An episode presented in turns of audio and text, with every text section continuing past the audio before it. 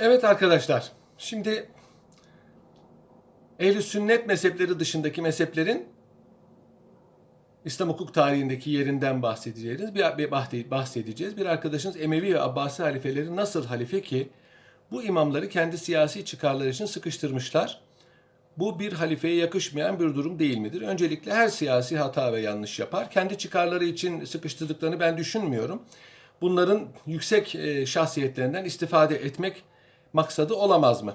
Çünkü bu halifelerin şahsiyetlerini tanıyoruz. Mesela Halife Mansur, yani e, İmam Ebu Hanife'yi tazik eden Halife Mansur, aynı zamanda adalete fevkalade riayetkar ve İslam hukuk tarihinde bu cihetle tanınan, bilinen bir hükümdardır. Yani hemen e, yaptıkları bir davranışla bir davranışla bu hükmü vermek doğru değil. Onlar da net, neticede saltanatlarını korumak mecburiyetindeler. Memleketteki karışıklıkları söndürmek mecburiyetindeler. Onlar da elbette ki insandırlar. Gammazların, dedikoducuların, hasetçilerin sözlerine inanabilirler, itibar edebilirler.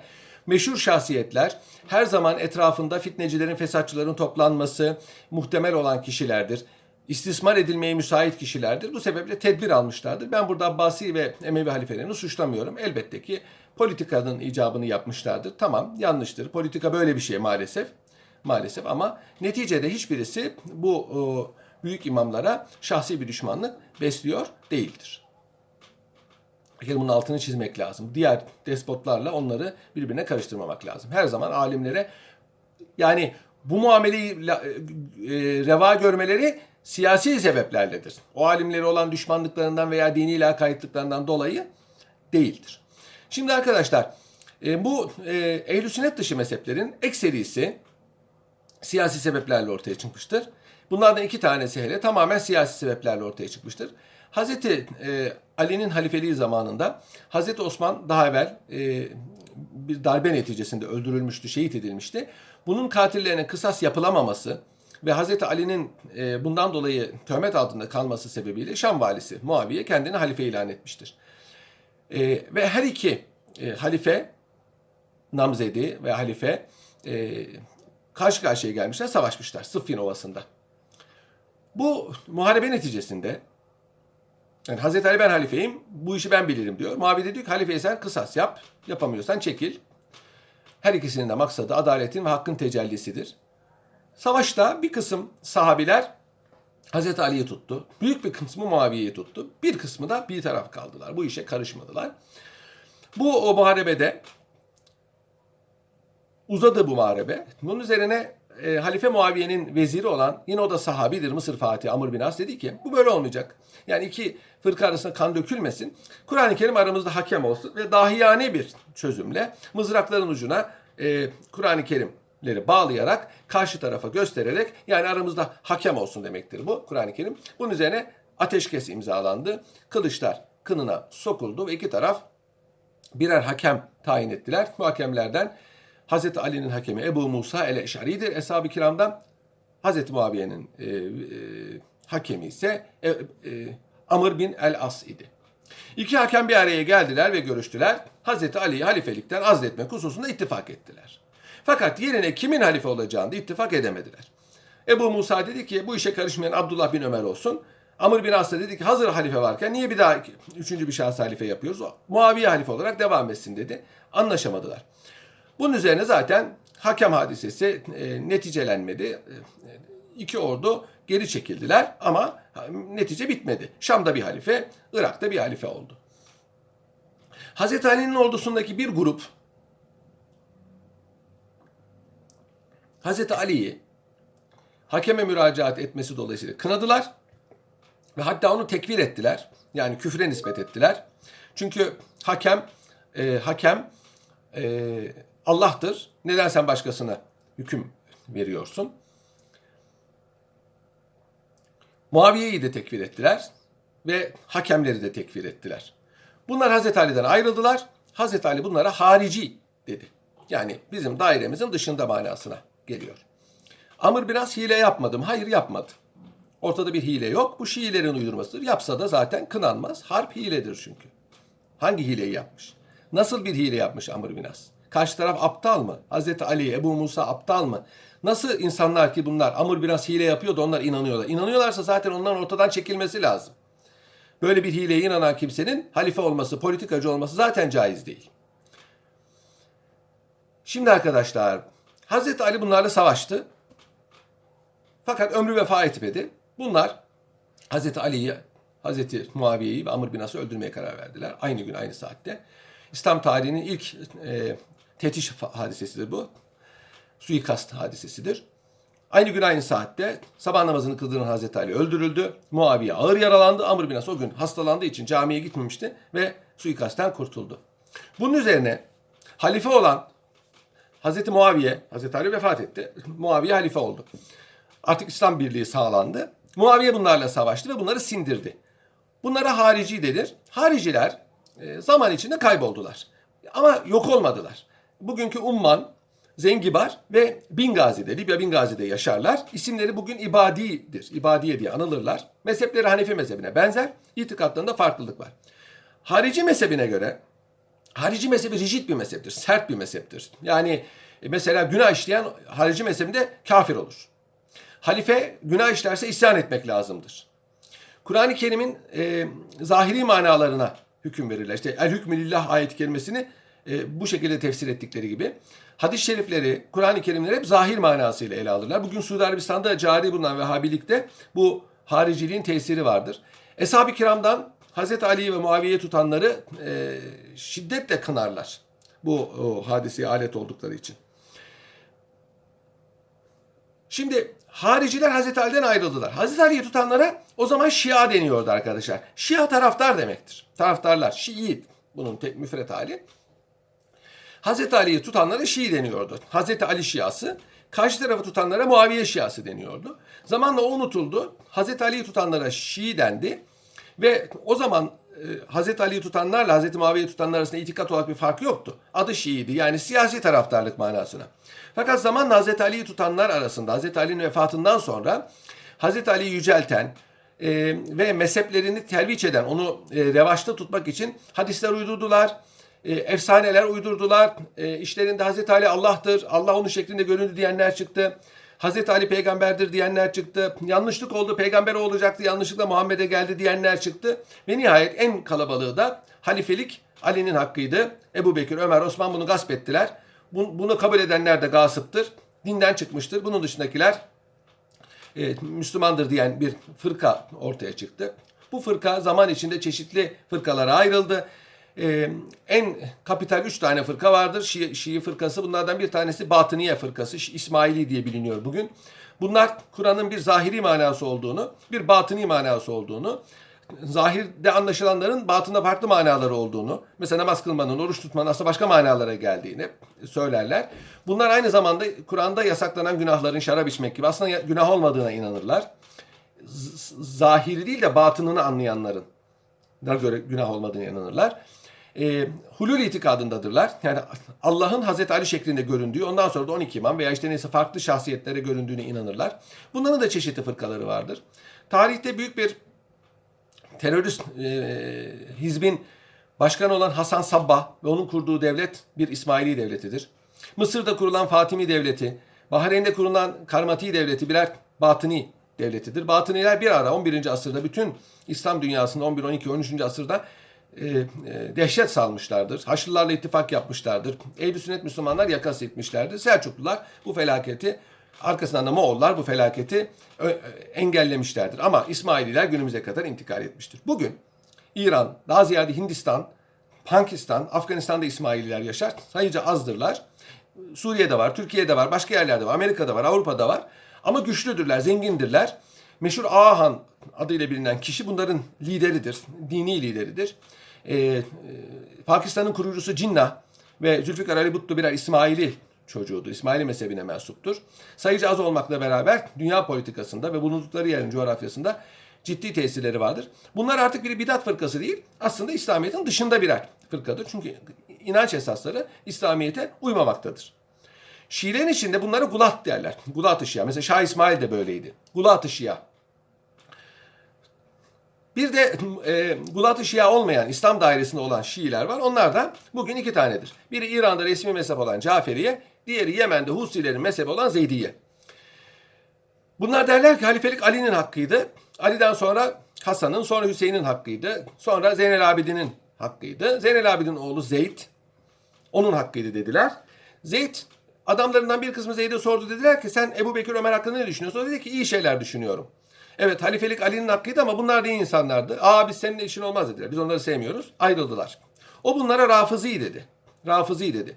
İşte İmam Zeyd'den ayrılanlara Rafızi, zaman içinde Caferi, İsna Aşeri, 12 imamcı veya İmamiye dendi. İmam Zeyd'e tabi olanlara Zeydi dendi. Ve böylece iki mezhep ortaya çıktı zaman içinde. İmam Zeyd ehli sünnetti. İmam Cafer de ehli sünnetti. Ama ondan sonra gelenler tıpkı bugün Hristiyanların Hz. İsa yücelttikleri gibi e, o yolun büyüklerini yücelttiler. Hadisler uydurdular. E, ve apayrı bir mezhep kurdular. Her iki mezhepte de e, halifelik telakkisi biraz farklı. Ali halife olmalı ama e, Zeydilerde Ebu Bekir, Ömer, Osman'ın halifeliği de caizdir. Mekruh olmakla beraber. Fakat Caferilere göre Hazreti Ali'nin halifeliği Allah tarafındandır. Nasla sabittir. Daha önce anlatmıştım. Buna karşı gelenler kafirdir. Sonra Hasan, sonra Hüseyin, sonra Zeynel Abidin, sonra efendim Cafer, Muhammed Bakır, Cafer Sadık, Musa Kazım, Ali Rıza, Cevat Daki, Ali Naki, Hasan Askeri ve Muhammed Mehdi 12 imamda. Giden 12 imamda biter. Allah tarafından seçilmiş halifeler diye inanırlar. Ondan sonra ümmetin işlerini son 12 imamın 12.si olan Muhammed Mehdi'nin vekilleri olan bugün Ayetullah deniyor İran'da onlar yürütürler. Mehdi tekrar kıyamete yakın geldiği zaman işleri eline alır. Caferiler böyle inanır, Zeydiler böyle inanmazlar. Bunun dışında her ikisi de kader itikadını reddederler, kadere inanmazlar. Herkesin kendi fiilini, kendisini yarattığına inanırlar. Namazda Müslümanlardan farkı üç vakit kılarlar. Beş vakit namazı üç vakitte kılarlar.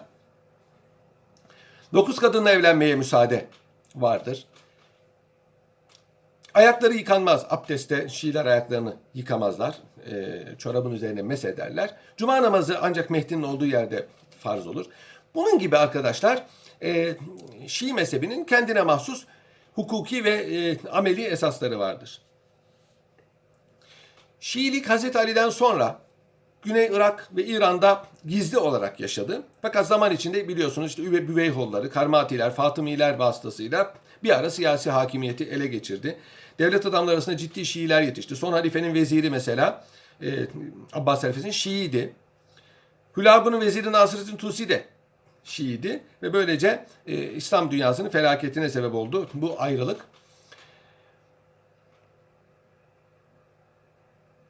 Alamut Kalesi'ni Moğollar ortadan kaldırdılar. Zaten İsmaililer zayıflamıştı ama İsmaililik devam etti tabii. Hasan Sabbah'ın soyundan gelenler Hindistan, Afganistan, oradan da Hindistan'a giderek günümüze kadar varlıklarını devam ettirdiler. Bu mezhep arkadaşlar, e, Şii mezhebinin iki kolu. Zeydiye Yemen'de, Güney Yemen'de, şey Kuzey Yemen'de yayılmıştır. Bugün mensupları vardır. O meşhur Yemen isyanlarını tertipleyen İmam Yahya ve ekibi Zeydi'dir. Bugünkü Husiler de Zeydi'dir. İran'ın desteklemesinin sebebi bu. Suudi Arabistan'ın karşı çıkmasının sebebi bu.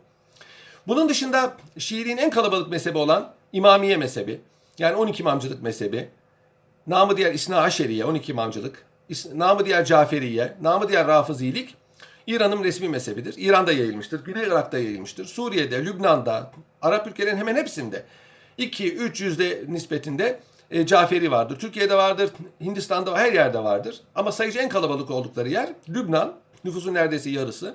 Irak nüfusun neredeyse yarısı. İran nüfusun %65-70'i olmak üzere e, Caferidir. Azerbaycan da Caferidir. Azerbaycan'ın kuzeyinde Sünniler yaşar. Dağıstan sınırında. E, Şeki ve havalisinde. Onun dışındaki Azeriler de e, Caferiye mezhebine mensuptur.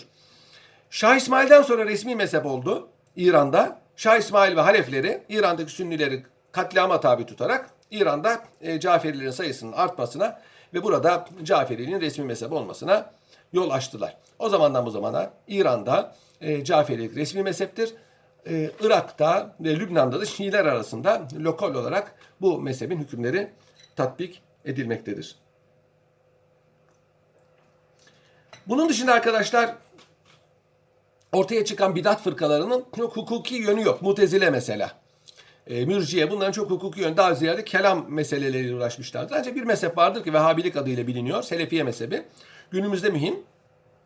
18. asır başlarında İslamiyet'i e, yeni çıktığındaki saflığına döndürmek iddiasıyla ortaya çıkan Muhammed bin Abdülvehhab'a dayanır. Muhammed bin Abdülvehhab Basralıdır. İbni Teymiye adında 13. asırda yaşamış marjinal bir alimin görüşlerini kendisine rehber edinmiş. Fakat onun daha sert, daha e, radikal, daha rigid bir hale getirmiştir. Onun mekruh dediğini o mesela küfür der gibi ve günah der. Günah dediğine küfür der gibi. İngilizlerin de yardımıyla, o zamanki konjonktürel e, vasatın da yardımıyla Vehhabilik güçlendi. Bedeviler arasında kendisine yer buldu. Bugünkü Suud ailesinin o zamanki dedesiyle akrabalık kurdu Muhammed bin Abdülvehhab. Suud ailesi resmi bir e, mezhep olarak Vehhabiliği kabul etti. Hicaz'a saldırıldı. Mekke Medine düştü. Hicaz'daki e, kabirler e, tahrip edildi, yıkıldı. Oradaki Müslümanlar öldürüldü. Mısır valisi bu isyanı bastırdı ve isyan elebaşıları İstanbul'a götürülerek idam edildi. O zamandan bu zamana Suud ailesiyle Osmanlı arasında bir rekabet, bir düşmanlık meydana geldi. Ee, ikinci, birinci Cihan Harbi'nde İngilizler Suud ailesini destekleyerek Şerif Hüseyin'i Hicaz'dan çıkarttılar ve Hicaz'ı Arabistan'ı Suud e, ailesine verdiler. Burada Suud Arabistan Krallığı kuruldu. Vehhabilik denilen mezhep İbn Teymiye'nin görüşlerine dayanır ama daha ziyade Muhammed bin Abdülvehhab'ın şekillendirdiği görüşlere dayanır. Bu, bu mezhebin esas farkı itikattaki farklılıklarıdır. Bu mezhepte Allah'ın cisim olduğuna ve e, insana benzediğine inanılır. Bu mezhepte şefaat kabul edilmez. Yani İslam dininde peygamberin ve Müslümanların, velilerin, şehitlerin, alimlerin, evliyaların başkalarının şefaat edeceği ve onları günahlarından e, affedilip cennete gireceğine inanılır. Şefaat haktır. Bu mezhepte şefaate inanılmaz. Bu sebeple kabir ziyareti şiddetle yasaktır. Suudi Arabistan'da hiç kabir belli değildir. Türbeler yasaktır. Ruhun ölümüne inanılır. İnsan öldükte ölünce ruhu da ölür sonra diriltilir. Halbuki ruh ölmez arkadaşlar. Beden ölür, ruh ölmez. Bu sebeple tasavvufa inanılmaz. Vehhabiler tasavvufa şiddetle karşıdırlar. Çünkü tasavvufta ruhun terbiyesi ve öldükten sonra ruhun da tesirine ve dolayısıyla tevessül ve istigaseye yani yüksek e, şahsiyetlerin ruhlarından vesile kılarak dua etme vardır. Buna inanmazlar. Bunun dışında ufak tefek e, fıkha tahallük eden farklılıkları vardır. İşte talakta, yeminde e, Vehhabiliğin bazı e, farkları vardır. Ama ana esasları itikadi e, esaslardır. Bugün Suudi Arabistan resmi mezhebidir. Burada dört mezhep kabul edilmez.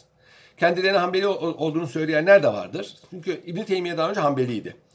Hanbeli mezhebinden çıkmadan önce Hanbeliydi. Bu sebeple Vehhabilerin Hanbeli olduğunu söyleyenler var. Yanlış olarak bugün ders kitaplarına kadar girmiş bir şey. Vehhabiliğin Sünni bir mezhep olduğunu söyleyenler var. Değildir arkadaşlar. Sünni bir mezhep değildir. Ehl-i sünnetin dört tane fıkıh mezhebi vardır. Hanefi, Maliki, Şafi, Hanbeli. İki de itikadi mezhebi vardır. Maturidi ve Eşari. Bunlar birbirine yakındır. Bunlar birbirine yakındır. Maturidilik ve Eşarilikten önce yaşayan Müslümanlara Selefi Salihin derler. Bunların itikadının kendilerine Selefiye diyen Vehhabilerin itikadıyla hiç ba- bağlantısı yok arkadaşlar.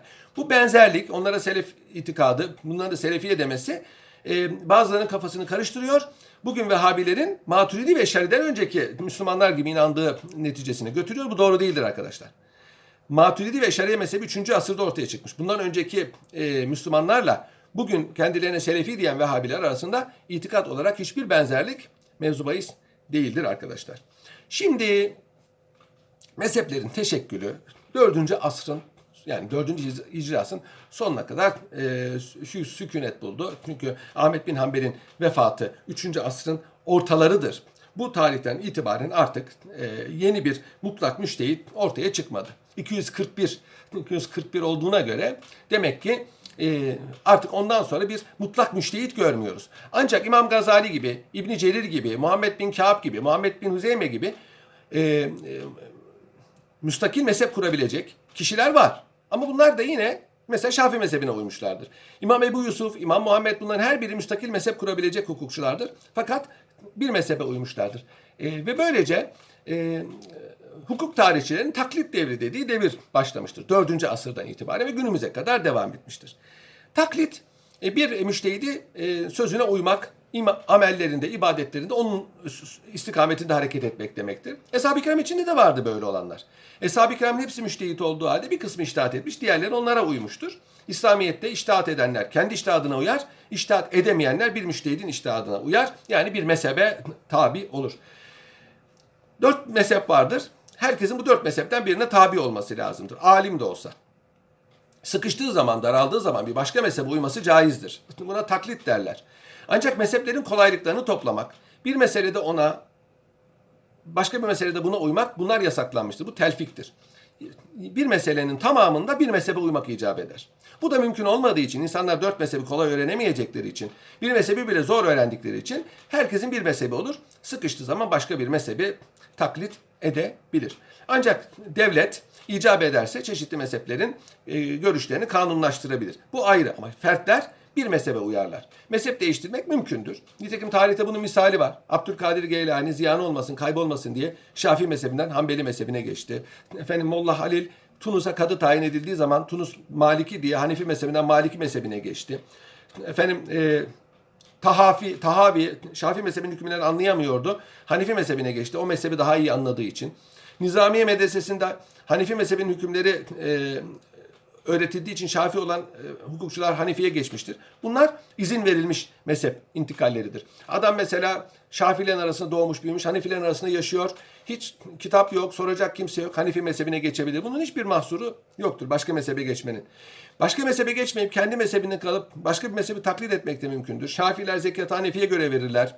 Hanefiler yolculukta sıkıştıkları zaman Maliki veya Şafii mezhebine göre namazları birleştirirler. Bunların hepsine izin verilmiştir. Bunlar yasak değildir. Mezhepleri karıştırmak yasaklanmıştır. Taklit devrinde e, bir durgunluk yaşanmıyor. Bu devirde artık yeni mezhep kurulmamış ama mevcut mezheplerin hükümleri kitaplara geçirilmiş, izahlar yapılmış, delillendirilmiş. Burada cevaplandırılmayan hükümler cevaplandırılmış. Yani taklit devrinde aslında çok e, coşkulu bir ilim hayatı vardır. Peki neden mutlak müştehit yetişmemiştir? Buna derler ki iştahat kapısı kapatıldı. Bu da Müslümanların gerilemesine sebep oldu. Bu yanlıştır arkadaşlar. İştahat kapısı kapatılmamıştır. Bunu kimseye kapatma salahiyeti kimsede yoktur. Ancak 4. asırdan sonra İmam Ebu Hanife gibi, İmam Malik gibi mutlak müştehit yetişmemiştir. Mutlak müştehit nedir? Usulüyle, füruyla kendi mezhebini kuran kişi. Yani Kur'an ve sünnetten hüküm çıkartma metotlarını kendi koymuş ve metotları o buradan da kendileri hüküm çıkartmış kişilere biz mutlak müştehit diyoruz. Ama mezhepte müştehitler çoktur. Usul olarak hocasının usulüne bağlı kalıyor. İşte Hanefi ise Hanefi, Maliki ise Maliki. O usule göre yeni iştahatlar yapabiliyor. Bunlara biz mezhep mezhepte müştehitler diyoruz. İşte İmam Ebu Yusuf, Şafii'de Müzeni, Maliki'de e, Esed bin Fırat, İbn Abdülvehhab, şey, İbn Abdülhakem, İbn Vehheb, e, Maliki'de Hallal gibiler hep böyledir. Mezhepte müştehittir. Hocaların usulüne sadık kalmışlar ama farklı iştahatlarda da bulunabilmişler. Sonra gelenler onların cevap vermediği meselelere cevap vermişler. Sonra gelenler bu meselelerin hangi hadise, hangi ayete dayandığını tespit etmişler. Ondan sonra gelenler bunların arasında bir tanesini seçmişler.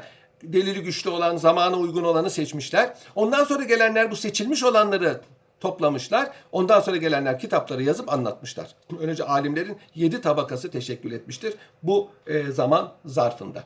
Bu sonra gelen e, bu yedi tabakanın ilk üçü müştehittir. Sonra gelen dört tanesi müştehit değildir ama alimdirler. Okuduklarını güzel anlarlar. Şimdi e, neden müştehit yetişmedi? Çünkü ilk e, müştehitler övülmüş devrin alimleridir. Peygamberimiz buyuruyor ki Hazreti Peygamber benden sonra en hayırlı devir benim devrimdir. Hayrül karni hayr, hayrül kurini karni. Ondan sonra sümmellezini yelûnem. Sonra onları takip edenler. Sonra onların, sonra onların.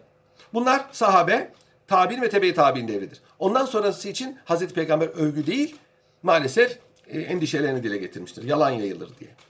Bu sebeple sonra gelenler demişlerdir ki bizim hocalarımız İmam Malik, İmam Ahmet bin Hanbel, İmam Ebu Hanife hepsi övülmüş devrin adamları bunlar. Sahabeleri görmüşler, tabiini görmüşler. Kendileri tabiinden ve tebe-i tabiinden. Onlar varken biz onların önüne geçmeyelim. Bu hatıraya saygı duyalım. İkincisi, onlar zaten bir usul kurdular.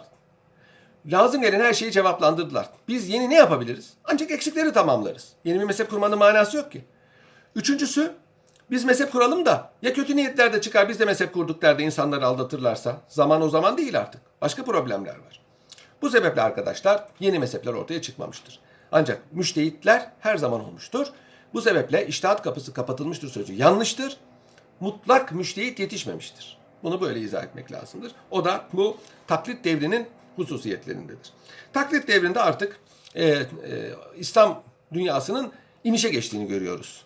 13. asırdan itibaren önce Haçlılar, 11. asırdan itibaren önce Haçlılar, 13. asırda Moğollar İslam dünyasına ağır bir darbe vurdu. İslam dünyası paramparça oldu. Fakat bu paramparçalık içinde bile İslam dünyasında gerek sanat, gerek e, ilim muazzam parlak bir şekilde devam etti. Ancak İslam dünyası fakirleşti. E, siyasi olarak bölündü. Çok problemlerle karşı karşıya kaldığı için bu asırdan sonra geriye gitti. Bu gerilemeyi bir nebze olsun Osmanlılar açtıysa da ondan sonra İslam dünyasının bugün de tenkit edilen e, hali ortaya çıkmıştır. Bu devir arkadaşlar, taklit devri artık hukuk fakültelerinin de kurulduğu bir devirdir. Hazreti Peygamber zamanında Mescid-i Nebevi'de İslam hukuku öğretiliyordu. Ee, sahabe ve tabi'in devrinde de böyleydi. Camilerde bir alim oturuyor, müştehit veya değil, etrafındakilere ilim öğretiyor. Kur'an-ı Kerim, hadis-i şerifler, fetva veriyor. Bu bir hukuk akademisidir. Herkes bunu dinliyor.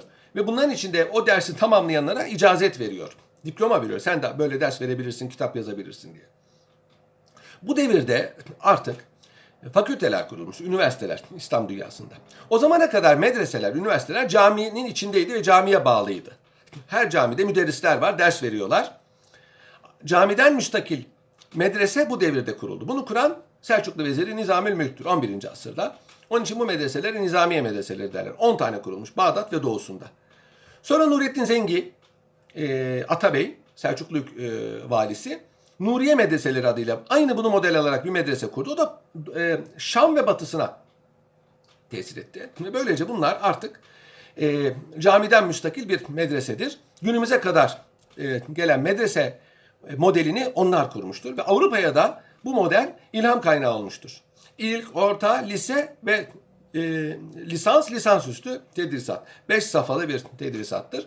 Müderrisler ders verirler. Talebe müderrisi seçer. Ders geçme vardı, sınıf geçme yoktur. Yani önceden derslerinizi alıp çok kısa bir zamanda mezun olabilirsiniz. 10-12 yaşını geldiği medreseyi 10-15 senede talebe bitirir. 20 en fazla 25 yaşında burayı bitirir. Bitirdikten sonra müderrislik, müftülük, kadılık gibi adli vazifeler alabildiği gibi imamlık, e, vaizlik, hatiplik gibi vazifeler de alabilir. Bürokrasiye girip katip de olabilir. Yani devlet e, bürokratı da olabilir ve hiçbir vazife de almayabilir. Bu zamana tarihleniyor artık bu e, medreselerin teşekkülü. Bu zamanda fıkıh artık kitaplara toplanmış, bir yandan hadis-i şerifler toplanmış, yazılı hale getirilmiş, bir yandan e, fıkıh bilgileri, iştihatlar kitaplara geçirilmiş. Bu kitaplara geçirilenler kanun gibi madde maddedir. Sonra bunlar şerh edilmiş, izah edilmiş. Sonra yeni çıkan meseleler bunlara eklenmiş dipnot olarak. Böylece metin, şerh ve haşiye geleneği ortaya çıkmıştır. Bir kitabın, bir kitabın arkadaşlar şöyle, şurasında metin bulunur, metin. Burasında şerh, altında haşiye bulunur. Bu kitaplar günümüze kadar intikal etmiş ve e, İslam hukukunu anlatan yayan, müdafaa eden birer kitap olmuştur. Taklit devrinin son asrında arkadaşlar artık Avrupa ile münasebetler artmış. Ticari, siyasi, askeri münasebetler artmış ve Avrupalılar demişlerdir ki sizin bizim hiç bilmediğimiz, anlamadığımız bir hukuk sisteminiz var. Buna saygı duyuyoruz. Ancak biz madem ki sizinle ticari, sosyal ve e, e, siyasi münasebetler kurduk, e, hukukunuzu bizim anlayacağımız hale getirin. Nedir onların anlayacağı halde? Toplayın, kanun haline getirin. Ve bunun üzerine Osmanlı Devleti'nde ilk defa İslam hukuku kanunlaştırılmıştır. Bundan önce böyle teşebbüsler var. Cüzi teşebbüsler var. Halife Mutazıt zamanında var. Efendim Selçuklu Sultanı Melikşah zamanında var. Ama Kanuni Sultan Süleyman zamanında var. Alemgir zamanında var Hindistan'da. Ama İslam hukukunun belli sahalarının topluca kanunlaştırılması yok. Osmanlılar'da kanunname geleneği var şeriatın boşluk bıraktığı yerlerde padişah kanun koyuyor. Zaten bu ananeyi biz biliyoruz ama şeriatta kanun koymaya ihtiyaç yok. Çünkü her fıkıh kitabı bir kanun maddesidir. Her cümlesine bir numara verin bir de kanun oluyor. Mülteka var mesela. Kanuni Sultan Süleyman zamanında yazılmış. Mülteka Türkçe'ye de tercüme edilmiş mevkufat. Medreselerde ders kitabı olarak okutulduğu gibi mahkemelerde de kanun olarak 400 sene tatbik edilmiştir arkadaşlar. Yani yazıldığı itibaren gayri resmi olarak 500 sene, kanunla 400 sene. Padişah demiş ki herkes mülte, bütün kadılar mültekaya göre hüküm verecek. Hatta Avrupalılar der ki sultan Türklere mültekada sultana hükmeder. Yani sultan bile mültekanın emrine uyar. Ama bu tam manası bir kanun değil yine de. Kanun gibi ama kanun değil. Osmanlılar bu ihtiyacı gördükleri için 1858'de efendim arazi kanunamesi 1869'da Mecelle ile e, İslam hukukunun arazi, eşya, borçlar ve usul kısmını kanunlaştırmışlardır. Bir kaldı aile ve miras. aile ve miras hukukunun kanunlaştırılması çeşitli sebeplerle yapılmamıştır. Sonraya bırakılmıştır. Ve Cum- e, Osmanlı Devleti'nin son zamanlarında aile hukukunun bir kısmı kanunlaştırılmıştır. Osmanlı Devleti ömrü vefa etmemiş. 1926'da biliyorsunuz İslam hukuku tamamen Türkiye'de kaldırılmıştır. Ancak Osmanlı Devleti'nde başlayan bu taknin kanunlaştırma ananesi Osmanlı Devleti'nden ayrılan ve İslam hukukunu tamamen reddetmeyen memleketlerde e, canlılığını devam ettirmiştir. Suriye, Irak, Lübnan, İsrail, Mısır gibi, Libya, Tunus, Cezayir gibi memleketlerde Osmanlı hakimiyetinden çıktıktan sonra İslam hukuku kanun haline getirilmiştir. Aile kısmı, miras kısmı, vasiyetler kısmı, çeşitli kısımları. Cezayir, Tunus gibi Osmanlı Devleti'nden daha önce ayrılan memleketlerde kurulan sömürge idareleri İslam hukukunu kanunlaştırmıştı. Mesela Cezayir ve Tunus'ta Fransızlar, Libya'da İtalyanlar, e, Hindistan'da İngilizler e, ve e, Endonezya'da Hollandalılar orada cari bulunan İslam hukukunu ki Kuzey Afrika'da Maliki, Endonezya'da Şafii, Hindistan'da Hanefidir bu. Kanun haline getirmişler. Yani fıkıh kitabını almışlar, İngilizceye tercüme etmişler, Fransızcaya, İtalyanca'ya. Ve bunu bir kanun haline getirip Müslümanlara tatbik etmişlerdir. Yani sömürgeciler ama Müslümanların haklarına da saygı gösteriyorlardı. Yani medeni sömürgeciydi onlar. Kendi dinlerini e, yaşamalarına ve kendi hukuklarını tatbik etmelerine müsaade ediyorlardı. Tabi bunda Osmanlı hilafetinin de rolü vardır. Osmanlı halifeliği olduğu için halifenin varlığı sebebiyle biraz da bu oluyordu. Bu da bir kanunlaştırma hareketidir. Ve dediğim gibi Osmanlı Devleti'nden ayrıldıktan sonraki Müslüman memleketlerde kanunlaştırma, İslam hukukunun kanunlaştırılması, kodifikasyonu günümüze kadar devam etmiştir. Şimdi arkadaşlar buraya kadar anlattıklarımızda böylece İslam hukukunun İslam hukukunun teşekkül devrelerini e, gözden geçirmiş oluyoruz. Şimdi iştihattan bahsettim. İştihat mühim. İştihadın bu devirde zaman zaman kanunlaştırıldığını görüyoruz. Şimdi bir müştehit önüne gelen bir meselede Kur'an sünnete bakar. Onları yorumlar. Kur'an sünnete hüküm yoksa kıyas yapar. Buna ne diyoruz? Biz onun iştihadı diyoruz.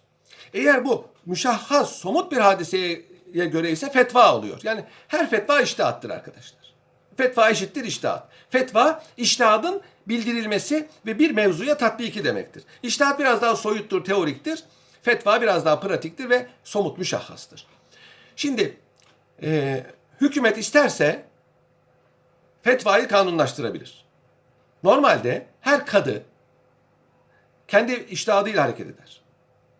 İştihat hürriyeti var. Bir iştihadın bir iştihada üstünlüğü yoktur.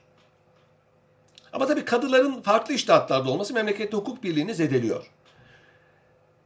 Bunun için daha sonra kadılar artık müştehit kadılar kalmayınca hep aynı mezhepte kadılar tayin edilmiş ki hukuk birliği olsun. Çünkü her müştehit olmayan her kadı kendi mezhebine göre hükmeder. Bunun bir istisnası var. Eğer hükümdar herhangi bir fetvayı kanunlaştırırsa o meselede o fetva tatbik edilir, kanun olur. Kendi iştihadı farklı bile olsa kadının, kadı efendinin ona uyar. Çünkü mesailü müştehidün fihada İmam-ı Müslümin Hazeratı hangi kaville amel edilmesini emrederse anında amel olunur. Mecelle kaidesi bu. Ön sözde geçiyor. Yani ihtilaflı meselelerde hükümdar bunlardan birini seçer de bununla amel edecek derse onunla amel edilir. Kadılar mezhebini bir tarafa bırakır, o hususta onunla amel eder. Mesela Osmanlı Devleti'nde Hanifi mezhebi tatbik ediliyor. Hanifi mezhebinde bir kadın kendi hür iradesiyle buluğa ermiş bir kadın evlenebilir. Velisine izin almasına gerek yok. Ancak dengine varmamışsa o zaman velisi bu evliliğe itiraz edebilir ama başta itiraz edemez. Diğer üç mezhepte ise bir kadın ancak velisi tarafından evlendirilebilir. Hanifi mezhebinde İmam Muhammed'e göre velinin evlendirmesine gerek yok ama buluğa dermiş olsa bir kız mutlaka velisinin izin vermesi lazım. Osmanlılar'da yıllarca Hanefi mezhebi tatbik edildi. Fakat kız kaçırmaların artması üzerine 1544 senesinde Kanuni Sultan Süleyman zamanında İmam Muhammed'in görüşü kanunlaştırıldı. Ve dendi ki bundan sonra Osmanlı ülkesinde evlenen düğünlerde, nikahlarda mutlaka kızın velisinin izni aranacaktır. Bu nedir? Bu bir fetvanın kanunlaştırılmasıdır. Ebu Sud Efendi'den itibaren bunu biz Osmanlılarda sık görüyoruz. Ama bunlar dediğim gibi bir kanunlaştırma değil, münferit hadiselerdir. Esas kanunlaştırma 19. asır 1858'den itibaren Tanzimat devrinde başlar. Yani fetva başka şey, e, fetva başka şey, e, kaza başka şey, yargı başka şey. Yani fetva hususi bir faaliyettir. Bir hukukçu oturur, meseleler hakkında çözüm getirir ama bu mahkemeyi bağlamaz. Mahkeme herhangi bir tanesiyle amel eder, kendi iştihadıyla amel eder. Ama sorabilir, müftiye danışabilir. Sonra kaza uyulması mecburidir. Mahkeme karar verdi mi herkes uymak zorunda ama fetvaya herkes uymak zorunda değil. Gider başka bir müftüden başka fetva alabilir veya hiç uymaz günahkar olur. Bunları birbirine karıştırmamak lazım. Fetva başka, kaza başka. İşte arkadaşlar e, Halife e, Mansur zamanında Halife Mansur baktı ki e, Küfe'de başka hüküm veriliyor, Vasıt'ta başka hüküm veriliyor, Bağdat'ta başka hüküm veriliyor. Çünkü kadılar müştehit. E, müştehitleri de yasaklayamazsınız. Yani iştihat hürriyeti var. Halife bunlara müdahale edemez. Şöyle iştihat et diyemez. Dedi ki biz hukuk birliği kuralım. Maliki mezhebini resmi mezhep yapalım. Madem şu anda İmam Malik hayatta onun mezhebini mezhep yapalım. Aslında e, taklit edilecek kişinin hayatta olması lazım değil. Ölmüş kişi de taklit edilebilir. Caferilerde böyle değil. Caferi mezhebinde taklit edilecek kimsenin mutlaka hayatta olması lazım. Onun için İran'da yüzlerce, binlerce müştehit vardır. E, takipçileri vardır. Kiminin 50 tane, kiminin 100 tane, kiminin 10 bin tane takipçisi vardır. Ve bu takipçi onlara para verirler, zekat verirler. Bu sebeple bugün İran'da müştehit denilen merci taklitten çok güçlüdürler. Siyasi ve sosyal hayatı onlar tanzim ederler. Takipçi sayısına ve parasına göre. Bunlar birer nüfuz grubudur. Sünni dünyada böyle bir şey yok. Herkes istediğini e, taklit eder ama ölmüşü de taklit edebilirler. Halife Mansur dedi ki İmam Malik'in kitabını, mu, mu, muvattayı kanun yapalım. Herkes ona uysun. İmam Malik kabul etmedi. Bu dedi iştahat hürriyetine aykırı ve e, ilmin önünü keser. İlim donar dedi. Harun Reşit de aynı teşebbüste bulundu, onu da kabul etmedi. Ve böylece hukuk birliği teşebbüsü akamete uğradı. Ancak İmam Ebu Yusuf Kadül Kudat olunca umumiyete tanıdıklarını, talebelerini tayin etti kadılıklara. Böylece neredeyse Abbasi devletinde Hanifi mezhebi resmi mezhep oldu. Ondan sonra gelen mezhepler, devletler hep kadıları aynı mezhepten tayin ettiler. Hukuk birliğini böyle temin ettiler. Osmanlılar'da da kadıların Hanefi olma mecburiyeti var ve Hanefi mezhebine göre hüküm vermeleri mecburiyeti var. Bunun istisnası halifenin emridir. Halife derse ki bu meselede farklı bir görüşte hüküm verilecek. Onunla verilir. Osmanlı Devleti'nde resmi mezhep Hanefi mezhebidir. Selçuklularda böyledir. Abbasilerde böyledir. Emevilerde değil. Emevilerde henüz daha herkes müştehit. Bütün kadılar müştehit. Yalnız Eyyubilerde ve Memlüklerde Şafi mezhebi Hanefi mezhebinin yanında resmi mezheptir. Resmi mezhep demek kadıların bu mezhepten tayin edilmesi, o mezhebe göre hüküm verilmesi demektir. Ama bu e, taassubu doğurmamıştır. Osmanlılar gerek devlet idaresinde, gerek kanunlarda, gerek başka meselelerde zaman zaman başka mezheplerin hükümlerine amel etmişlerdir. Mesela kocası kaybolan kadınların boşanmasında Maliki mezhebine göre hüküm verilmesini emretmişlerdir. E, hayız görmeyen kadınların iddetinde Maliki mezhebine hüküm vermişler. Çünkü Hanife mezhebi burada zordur. Devşirme sisteminin tatbikinde, hazine hastanın kuruluşunda, efendim maden mülkiyetinde Osmanlılar e, diğer mezheplerin görüşlerinden uzun vadeli kiralarda gerek vakıfların gerek miri arazinin diğer mezheplerin görüşlerini e, kabul ettiğini görüyoruz Osmanlıların. Yani bu bir istisnadır. Bunun dışında Osmanlılar kanunnameler yaparak arkadaşlar hukuku boşlukları doldurmuşlardır. Buna biz örfü hukuk diyoruz kanunnamelere. Yanlış olarak bu kanunnameler şer'i hukuka alternatif değildir. Onu bertaraf etmek için değildir ve şer'i hukukun kifayetsizliği, yetersizliği sebebiyle gelmiş değildir. Bilakis şer'i hukuk, anayasa hukuku, idare hukuku, vergi hukuku, mali hukuku, arazi hukuku gibi belli sahalarda boşluk bırakır. Bunun düzenlenmesini, tanzimini, tertibini hükümdara verir. Hükümdar da buraları doldurur. İşte Osmanlılar'daki kanunnameler buraları doldurmuştur. Yeni bir hüküm, alternatif hüküm getirmemiştir. Yani şeri, şeriatı bertaraf edelim, bu kanunlar uygulansın değil. Ama tabii Köprülü gibi, Barkan gibi, İnalcık gibi bazı tarihçiler şer'i hükümleri çok iyi bilmedikleri için bunu yanlış anlamışlar. Ve demişlerdir ki Osmanlılar şer'i hukuk kafi gelmediği için alternatif olarak örfü hukuku meydana getirmişlerdir. Bu doğru değil. Örfü hukuk Osmanlılardan önce de var. Selçuklarda da var, Zülkadrilerde de var, Akkoyunlarda da var, İlhanlarda da var. Hepsinde var.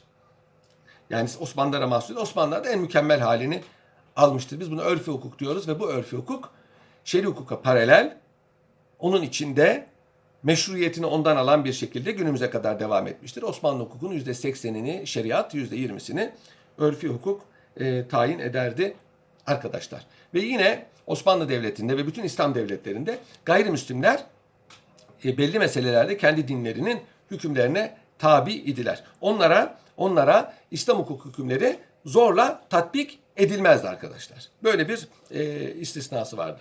Sormak istediğiniz şey bir şey var mı arkadaşlar buraya kadar olan meselelerde? Her şey anlaşılıyor mu gayet güzel bir şekilde?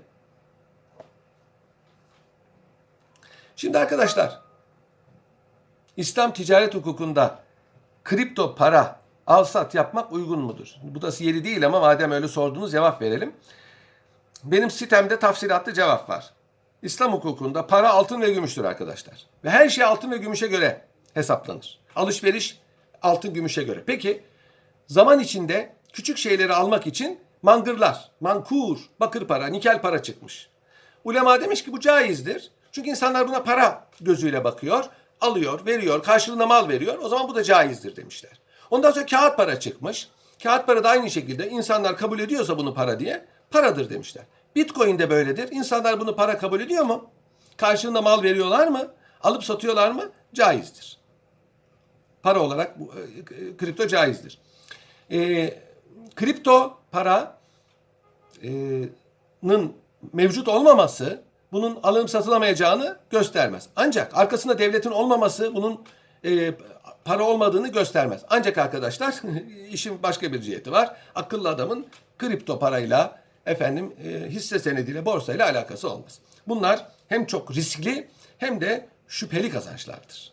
İslam hukukunda şüpheli kazançlardır. Hazreti Peygamber buyuruyor ki el halamu halalu beyyinun vel haramu beyyinun. Beynehuma müştebehun. Helal bellidir, haram bellidir. Arasında da şüpheli şeyler vardır. Bu şüpheli şeyler nedir? Yani mekruhlardır. Ya ya helal ve haram karışmış şeylerdir. Yani helal de var, haram da var. Hisse senetleri gibi. Ya mekruhtur. Mesela içki satan dükkandan alışveriş yapmak gibi. Yani bunlardan uzak durmak elbette ki takvaya daha uygun olan bir şeydir.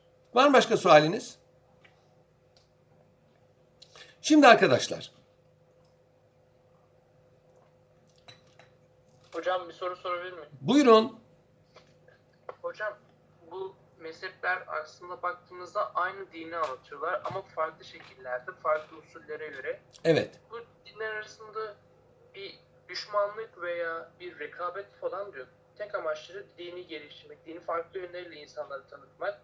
Ama neden özellikle günümüzdeki son 100 yıl öncesine veya belki daha eskilerinde de vardır. Bu dinler arasında bu biraz tarihten çıkıyor, sosyoloji ve psikolojiye giriyor ama bu dine inanan, pardon mezheplere inanan insanlar arasında neden böyle bir çatışma, savaş, katliamlar oluştu? E neden bu insanlar birbirini düşman olarak gördü? Aynı din çatısı altında nedir? Sanki farklı bir çatı altındaymış gibi. Evet. Şimdi arkadaşlar bir kere mezhepler arasında hiçbir zaman bir çatışma, katliam olmamıştır. Hiçbir mezhep mensubu birbirini düşman olarak görmemiştir. Tarih boyunca mezhepler arasında her zaman paralellik olmuştur. Çünkü mezheplere ayrılmak dinin emridir. Şafii mezhebinde olan Hanefi mezhebini, Hanefi mezhebinde Maliki mezhebini aynı dinin mensubu bir din kardeşi olarak görür. Tenkit etmek, kına, düşmanlık şöyle dursun tenkit bile etmez. Çünkü o anladığını o anladığına uymuştur. Zaten buradaki ihtilaflar detaydadır. Detaya ait ihtilaflardır bunlar. Onun için bunlar e, asla tahallük etmez. İnançta bir farklılık yoktur. Sizin kastettiğiniz inançtaki mezheplerdir. Harici mezhebi gibi, Şii mezhebi gibi. Şimdi buradaki düşmanlık tamamen siyasi ve sosyal sebeplere dayanıyor. Yani e, bu mezhepler arasında inanç farklılığı var. Yani farklı dinler gibi. Ve bu inanç farklılığı bunların siyasi ve sosyal hakimiyetlerinin e, peşinde koşmalarına sebebiyet veriyor. Sünnilerin sayısı fazladır ve siyasi hakimiyet onların elindedir. Diğerleri bir kere azınlık psikolojisiyle siyasi ve sosyal hakimiyeti elde edebilmek için bunlarla savaşmışlardır elbette. Bu savaşlar dini bir savaş değildir. Siyasi ve sosyal e, iktidar mücadeleleridir. Onun için diğer mezhepler arasında bir ihtilaf olmamıştır. Mezhepler arasında ihtilaflar olmuştur. Bu ihtilaflar da dediğim gibi mezhep farklılığından çok siyasi hakimiyet, sosyal hakimiyet, iktidar bu gibi e, sebeplerle olmuştur. Ve tabii elbette ki inanç esasları farklı olan ve aynı coğrafyada yaşayan insanların hele bir kısmı bir kısmını e, dini tahrif etmekle suçladığı için içinde e, ara bozucular, münafıklar, fitneler, hasetçiler çok olmuştur. Dedikodular çok olmuştur. Bu sebeple aralarında elbette ki silahlı mücadeleler yaşanmıştır. Ama İslam tarihinde o sizin bahsettiğiniz gibi katliamlar falan olmamıştır. Ama savaş olmuştur evet. Ama bu savaşlar dediğim gibi siyasi sebeplerle olmuştur.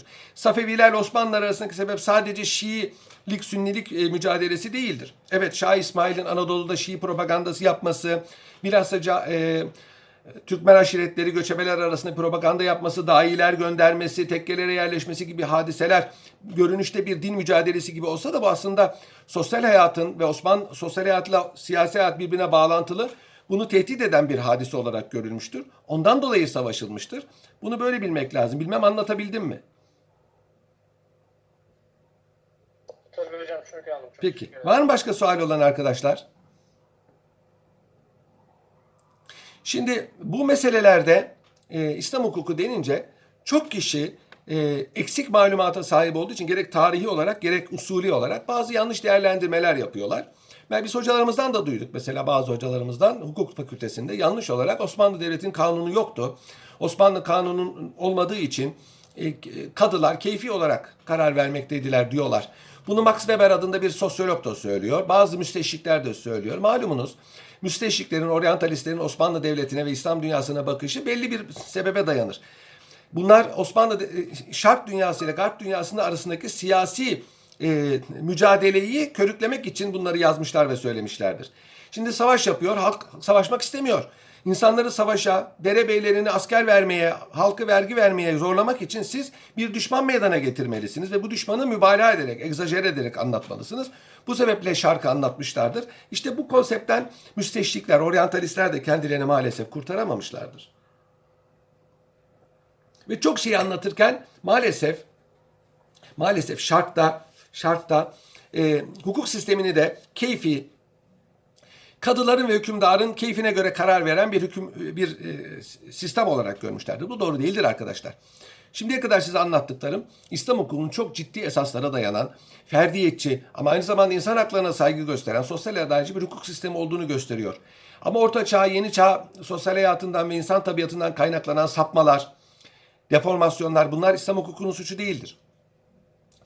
Bunu bir kaide gibi anlatıyorlar. Bilhassa Max Weber bunu çok yapıyor. Asırlar boyunca yazılmış binlerce cilt Osmanlı hukuk külliyatını ve bu külliyatların amir, emredici emirlerini bir tarafa bırakıp da mahkemede kadılar istediği gibi hüküm verirdi. Hükümdar ne dese olurdu demek bu meseleyi saptırmak demektir.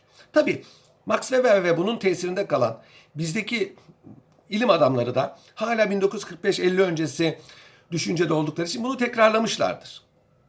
Ve tabii o, Türkiye'de yeni bir rejim kurulduğu için bu yeni rejimin kendi varlık sebebini insanları ikna edebilmek için öncesini kötülemesi çok tabiidir. Bütün dar, şeylerde, darbelerde, ihtilallarda, inkılaplarda böyle olmuştur. Ama bu ilmi e, hakikati aksettirmiyor. Biraz evvel anlattığım gibi fıkıh kitapları Osmanlı Devleti'nde birer kanundur arkadaşlar. Her cümlesine bir numara verseniz kanun olur. Ama farklı bir şekildedir. Osmanlı Devleti'nde verilen e, Şeyhülislam fetvaları, müftü fetvaları, bugünkü avukatların veya yargıtayın görüşleri gibi mahkemelere yol gösteren birer hukuk metinleridir. Bunu tamamlayan kanunnameler, mahkeme sicilleri bunların hepsi Osmanlı hukuk mevzuatını teşkil ediyor. Binaenaleyh Osmanlı Devleti'ne kadıların eli kolu bağlıdır. Neyle bağlıdır? Fıkıh kitaplarıyla.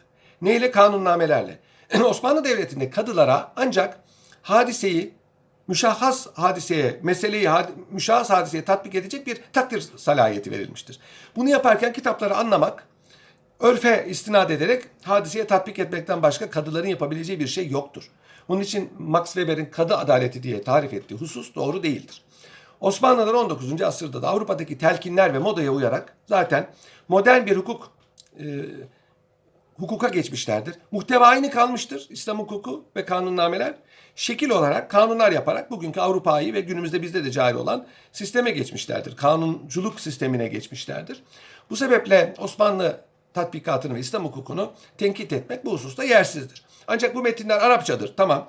Yerli halk bunu anlamayabilir. E bunun da Türkçe tercümeleri var. Bol miktarda fıkıh kitaplarının mahkeme kararları Türkçe veriliyor, Türkçe tutuluyor. Arap memleketlerinde Arapça tutuluyor.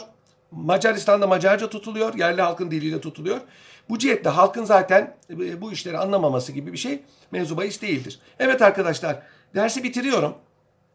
Sormak istediğiniz bir şey varsa sorarsınız. Burada soramazsanız haftaya veya mailden sorarsınız. Haftaya hangi mevzuya e, başlayacağımı henüz karar vermedim.